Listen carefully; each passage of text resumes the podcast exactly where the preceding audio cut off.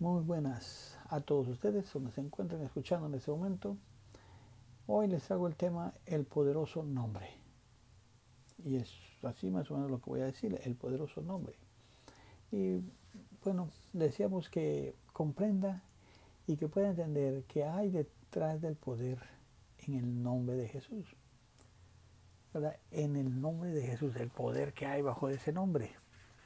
Ah, y como usted y yo podemos uh, operar con este mismo poder por medio del el nombre.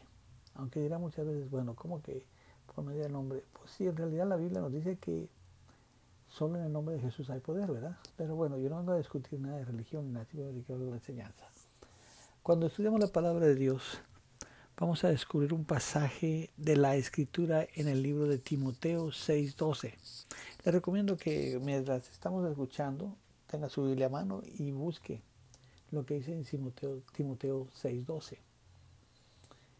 Y el cual nos da una instrucción, la cual es de pelear la buena batalla de fe, así como Pablo lo hizo. Pero que tú y yo hagamos esa guerra algo victorioso. Eh, que ganemos esa batalla. Jesucristo se ha dado su nombre, el cual es su poder de abogado que nos lo dio a nosotros y, nosotros ahora tenemos ese poder para, para echar fuera demonios, para pelear contra el enemigo. Si nosotros no hemos de mover, nos hemos de mover en este poder, el cual es asociado con su nombre. Hay muchas personas que dicen, ¿cómo que el nombre, el poder? Bueno, sí, poder, tenemos poder, autoridad con el nombre de Jesús. Él no lo dio todo, nos lo permitió y nos dijo, todo es en el nombre de Jesucristo lo a hacer. ¿Verdad? Eso es lo que entonces tenemos que edificar en la fundación de la palabra de Dios. Nos tenemos que edificar nosotros. si no, ¿cómo nos vamos a edificar? Tenemos que tener una fundación en la palabra de Dios. La Biblia enfatiza claramente esto. Mi pueblo parece por falta de conocimiento. Porque no tenemos enseñanzas, no estudiamos. Eh, compartí hoy en esta tarde con una amiga en Cristo que me decía que en muchas iglesias ya no hay gente que predica la palabra, que no quieren escuchar, hermanos de la iglesia no quieren escuchar palabra de Dios. Solamente quieren hablar de sus novios o de su vida cotidiana. Se les está olvidando. Personas que ya tenían años sirviendo a Dios. Ahora solo se preocupan mi nuevo novio, mi nueva cosa y no se preocupan ya más de la palabra. ¿Para qué sirve eso? Eh, si, si, como dice, mi pueblo parece por la falta de conocimiento.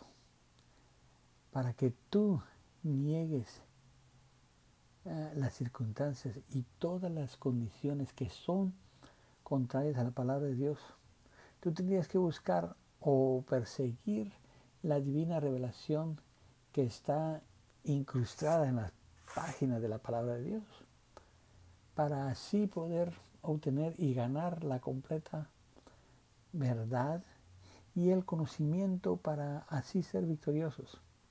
La Biblia es el diagrama, o diremos los planos de instrucción en cómo poder pelear la buena batalla. O sea que nos dice ahí claramente la Biblia cómo podemos nosotros vencer. Y, es un plano, es un blueprint, es una manera de que lo vamos a hacer. Ah, podemos pelear la buena batalla. Y esa batalla es una batalla de fe. Entonces, un enemigo que busca destruir nuestro progreso en el reino de Dios, estos espíritus diabólicos, tenemos nosotros ese enemigo. Espíritus diabólicos. Estos espíritus son nada más que espíritus renegados, los cuales traspasan en lo que nos pertenece. O sea que se meten en lo que no les importa y no debe de meterse. ¿Por qué lo hacen? No sé. Bueno, sí lo sé. Porque no quieren que nosotros conozcamos la verdadera uh, potencial o el verdadero poder que tenemos en Jesucristo. Tenemos que reconocer que en Cristo tenemos todo el poder. en Cristo. Si estamos en Cristo, no. Recordemos que la Escritura nos habla de unos que fueron a sacar un demonio sin autoridad. Y llegaron y le dijeron, en el nombre que predica Pablo y en el nombre que predica este, te ordenamos que salva. ¿Y qué se hizo este de endemoniado? Se les tiró encima y los golpeó a todos. Y salieron todos corriendo. se metieron en una camisa de once varas, en algo que no deberían haber estado metidos. Y por eso llegaron a perder esa guerra. Ahora, si nosotros nos ponemos a estudiar, podemos vencer estos espíritus, porque ellos no tienen poder. Ellos tratan de ser pesados en contra de los creyentes en Cristo, los cuales están sin entendimiento bíblico. Ahora, esto se lo dedico a los hermanos que están en la iglesia, que tienen años asistiendo y solo son amigos. No tienen ningún conocimiento bíblico de la palabra. En el sentido que nunca han puesto atención. Solo llegan como que van a un club, saben que si pagan diezmos, Dios los bendice, saben que si hacen ofrendas, Dios los bendice, saben que si ayudan al prójimo, Dios los bendice pero no han hecho en sus vidas, no han aceptado de 100%. Y hay niños, como decimos a veces, niños con pampers ya de 40 años y todavía traen pampers, bebés barbudos. ¿Verdad? Eso es lo peor. Eh, son personas que están sin entendimiento bíblico y sin comprender los derechos divinos que ya tienen. Es muy importante que usted y yo realicemos o comprendamos que el nombre de Jesús ciega y encarcela a estos demonios renegados, a estos demonios que están enojados, que están peleados contra Dios. En el instante, en un instante. Porque ellos no tienen ningún derecho cuando son enfrentados en el nombre de Jesús. Ellos pierden todo, su derecho. Cuando ellos son enfrentados en el nombre de Jesús no pueden hacer nada tienen que someterse. Pero se van a someter si tú estás viviendo una vida correcta ante los ojos de Dios. Porque el nombre de Jesús también te pide que tienes que estar bien. Eso que no nomás digas, ah, pues sí, sí, sí, yo me levanto y voy y lo hago y voy a vencerlos. No. Cuando le digo, ellos no tienen ningún derecho. Si se confrontas en el nombre de Jesús, eh, los, los espíritus tienen derecho. En la palabra de Dios nos enseña que no peleamos en contra de carne y sangre, pero en contra de principados, poderes y dictadores de las tinieblas, y en contra de espíritus de maldad en lugares altos. Tú y yo operamos en el nombre de Jesús por medio de la oración. Esa es una clave, la oración. Sin ella, si no oramos, somos débiles. Si un soldado en el ejército no practica, le dan un rifle, con ese rifle tiene poder, ¿verdad? Y si él no practica cómo disparar, el día que lo necesita no va a poder hacerlo. ¿Por qué? Porque no ha practicado, ¿no? lo mismo con nosotros. Quieres enfrentarte a un enemigo, pero si no oras, no tienes poder. Así también, ¿cómo tratamos con demonios por medio de oración? y cuando administramos sanidades a otros. No somos nosotros. En la oración es el Espíritu, el poder que Dios nos ha, Jesucristo nos ha dado. Tú no puedes usar el nombre de Jesús para esforzar una petición que no es bíblica o demandar. No podemos demandar. Si no es bíblica no podemos demandar nada. No podemos. Por ejemplo, si, si hemos aprendido en la Biblia que la persona que se, a lo mejor la persona que es nacida de nuevo en Cristo, apropia su fe propia al oír y escuchar la palabra de Dios. Tenemos que oírla y escucharla. Una cosa es oír y la otra es escuchar. En otras palabras, nuestra autoridad es diferente, unida a lo que hemos escuchado por medio de la palabra de Dios. Mm, creo que, tomen nota, de cuántas cosas que cualifican los cuales son principios para avanzar en la autoridad de Dios, para ser victorioso. Dirá usted, ah, bueno, este hermanito que me trae. Bueno, le voy a decir algo. Hay quizás cuatro puntos, pero por el momento les voy a decir lo siguiente. Tenemos que escuchar la palabra de Dios. No nomás que entra por un oído y sale por otro, es algo que se dice, no sucede así, pero bueno, entra en nuestro cerebro y en nuestro cerebro no se queda, porque no pusimos atención. Nuestra mente al instante que estaban hablando, nomás andaba por otro pasaje, por otra vida, por otro lugar. Andaba haciendo cosas que no debía. Número dos, tenemos que saber que es personal. Que saber, de verdad, dirá que es personal. Número tres, es indispensable que creamos. Tenemos que creer, si no creemos no va a pasar nada. Y finalmente tenemos que actuar en ello, en todo lo que estamos hablando, ¿verdad? Tú y yo tenemos que creer, o mejor dicho, yo creo que estar en un ah, acuerdo con Dios para que así podamos venir. Tenemos que estar de acuerdo con Él, para que podamos venir a ser colaboradores juntos con Él. La Biblia nos dice que si no estamos dos en un mismo acuerdo, ¿cómo podemos andar juntos? ¿Cómo andar juntos si no estamos de acuerdo? Eh, como les dije al principio, tengan su Biblia, abran su Biblia en el libro de Amós 3.7. Así que nosotros no podemos caminar juntos con Dios si no estamos en un acuerdo con Él. Si se da cuenta en Mateo 18, 18, 20, o sea, Mateo capítulo 18, versículos 18 y 20, nos dice a nosotros, lo que antes en la tierra es atado en los cielos y lo que desamarres en la tierra es desatado en los cielos también.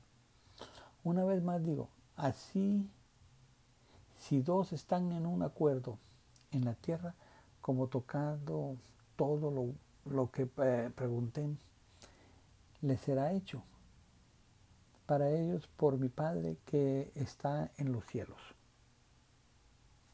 Entonces, sí, ¿verdad? Están, escuchando esto claramente, ¿verdad? Claro que sí, así es el asunto. La palabra de Dios continúa diciendo, donde dos o más se reúnen o se, bueno, si se juntan en mi nombre, ahí estoy con ellos. ¿Quién está con ellos? el mismo Señor, el Jesucristo, el Espíritu Santo está con nosotros. En pocas palabras, Dios nos está diciendo que si entendemos su palabra y actuamos en ella, entonces Él confirmará con maravillas en el poder de su precioso nombre. ¿Se imaginan? Él nos va a aceptar lo que le pidamos, lo que le digamos, lo que atemos o desatemos, Él lo va. Ahora, quisiera unas escrituras. No se las leo aquí porque me gusta que escudriñen. Si ustedes no escudriñan la palabra, pues como nunca van a aprender. Pero si pueden, agarren el libro de John, a Juan 16, 23. Si lo están escribiendo, escríbelo. Juan 16, 23. La siguiente es Marcos 16, 17 y 18. Marcos 16, 17 y 18. Y luego tenemos Mateo 18, 18, 20. Mateo 18, 18, 20 al 20. Tenemos Mateo 16, 19. Una vez más, el libro de Mateo 28, 18 al 20. Mateo 18, perdón, 28, 18 al 20.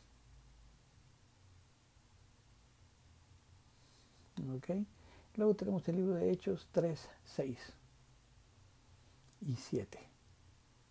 El libro de Hechos 3, 6 y 7.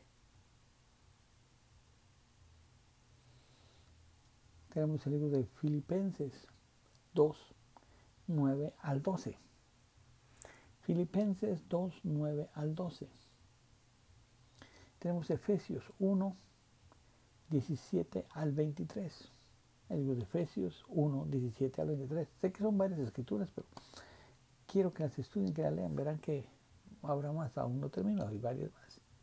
Efesios 4, 27. Efesios 4.27. ¿Lo tienen? Sí, ¿verdad? Ahora, Colosenses 2, 15. Y lo último es Romanos 8, 31.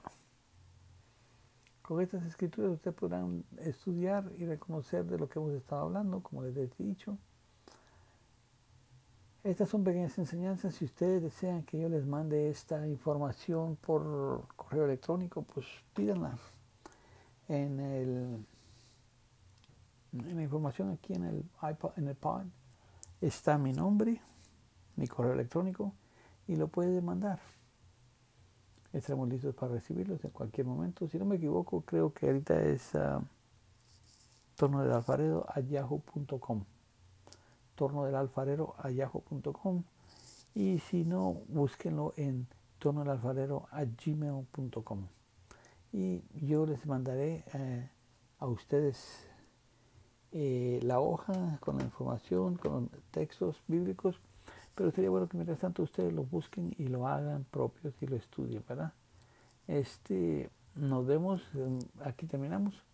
El mensaje de la, de la próxima lección se llamará Viviendo bajo la o viviendo bajo el dictado de su palabra. O sea, viviendo bajo la palabra del Señor vamos a estar. En eso estaremos enfocados, así que el Señor me los bendiga, que la pasen bonito. Espero que estos cortos enseñanzas les ayuden a estudiar y a buscar de Dios.